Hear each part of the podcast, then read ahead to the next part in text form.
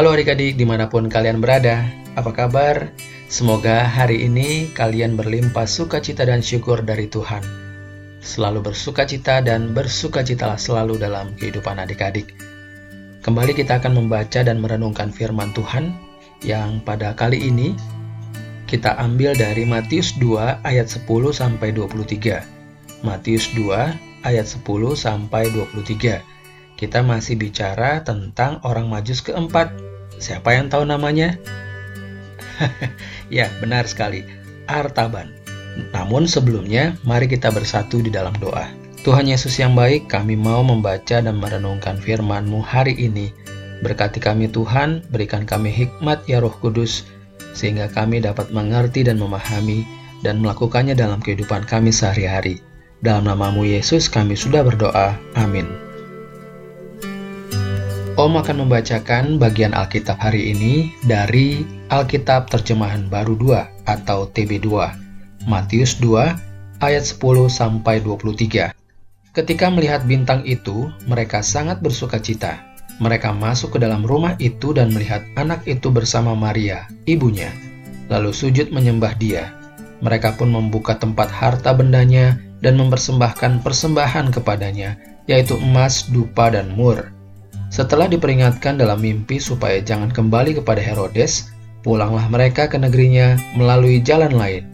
Setelah orang-orang majus itu berangkat, tampaklah malaikat Tuhan kepada Yusuf dalam mimpi dan berkata, Bangunlah, Ambillah anak itu serta ibunya, larilah ke Mesir, dan tinggallah di sana sampai aku berfirman kepadamu, karena Herodes akan mencari anak itu untuk membunuh dia. Yusuf pun bangun dan mengambil anak itu serta ibunya malam itu juga, lalu menyingkir ke Mesir, dan tinggal di sana hingga Herodes mati. Hal itu terjadi supaya digenapi apa yang difirmankan Tuhan melalui nabi. Dari Mesir kupanggil anakku. Ketika Herodes tahu bahwa ia telah diperdaya oleh orang-orang Majus itu, ia sangat marah. Lalu ia menyuruh membunuh semua anak di Bethlehem dan seluruh wilayah di sekitarnya, yaitu anak-anak yang berumur dua tahun ke bawah, sesuai dengan waktu yang ditanyakannya dengan teliti kepada orang-orang Majus itu. Dengan demikian digenapi firman yang disampaikan melalui Nabi Yeremia. Terdengarlah suara di Rama, tangis dan ratap yang amat sedih, Rahel menangisi anak-anaknya dan ia tidak mau dihibur sebab mereka tidak ada lagi. Setelah Herodes mati, tampaklah malaikat Tuhan kepada Yusuf dalam mimpi di Mesir. Katanya, Bangunlah, ambillah anak itu serta ibunya dan berangkatlah ke tanah Israel, karena mereka yang hendak membunuh anak itu sudah mati. Yusuf pun bangun dan mengambil anak itu serta ibunya, lalu pergi ke tanah Israel. Namun setelah didengarnya bahwa Arkelaus menjadi raja di Yudea menggantikan Herodes ayahnya, ia takut ke sana. Setelah diperingatkan dalam mimpi, pergilah Yusuf ke daerah Galilea. Setibanya di sana, ia pun tinggal di sebuah kota yang bernama Nazaret. Hal itu terjadi supaya digenapi firman yang disampaikan melalui nabi-nabi bahwa ia akan disebut orang Nazaret. Demikianlah firman Tuhan, berbahagialah orang yang mendengar dan melakukannya dalam kehidupan sehari-hari. Adik-adik, fokus renungan kita terambil dari Matius 22 ayat 39. Matius 22 ayat 39 yang berbunyi, Perintah yang kedua yang sama dengan itu ialah kasihilah sesamamu manusia seperti dirimu sendiri. Adik-adik, judul renungan kita hari ini yang terambil dari buku Renungan Star, Saat Teduh Anak Raja, terbitan Bina Warga, adalah orang Majus keempat. Dalam perjalanan menuju ke Golgota, Artaban melihat seorang anak perempuan menangis dan meratap minta tolong kepadanya. Tuan, tolonglah saya. Para prajurit akan menjual saya sebagai budak karena ayah saya mempunyai banyak hutang dan tidak mampu melunasinya. Sebagai gantinya, dia mau membawa saya untuk dijual. Tolonglah saya, Tuan. Walaupun Artaban sedang terburu-buru, ia melihat keadaan sangat mendesak.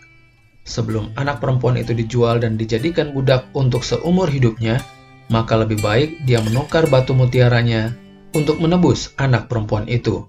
Artaban segera melakukannya. Tiba-tiba langit menjadi gelap gulita dan terjadi gempa bumi. Artaban yang sudah sangat tua itu jatuh tertimpa puing dari atap dan terluka parah. Dia sedih sekali. Ia menggerakkan bibirnya dengan susah payah dan berkata, Rajaku, sekarang aku tidak bisa bergerak. Aku tidak memiliki apa pun untukmu. Bagaimana aku dapat melayanimu?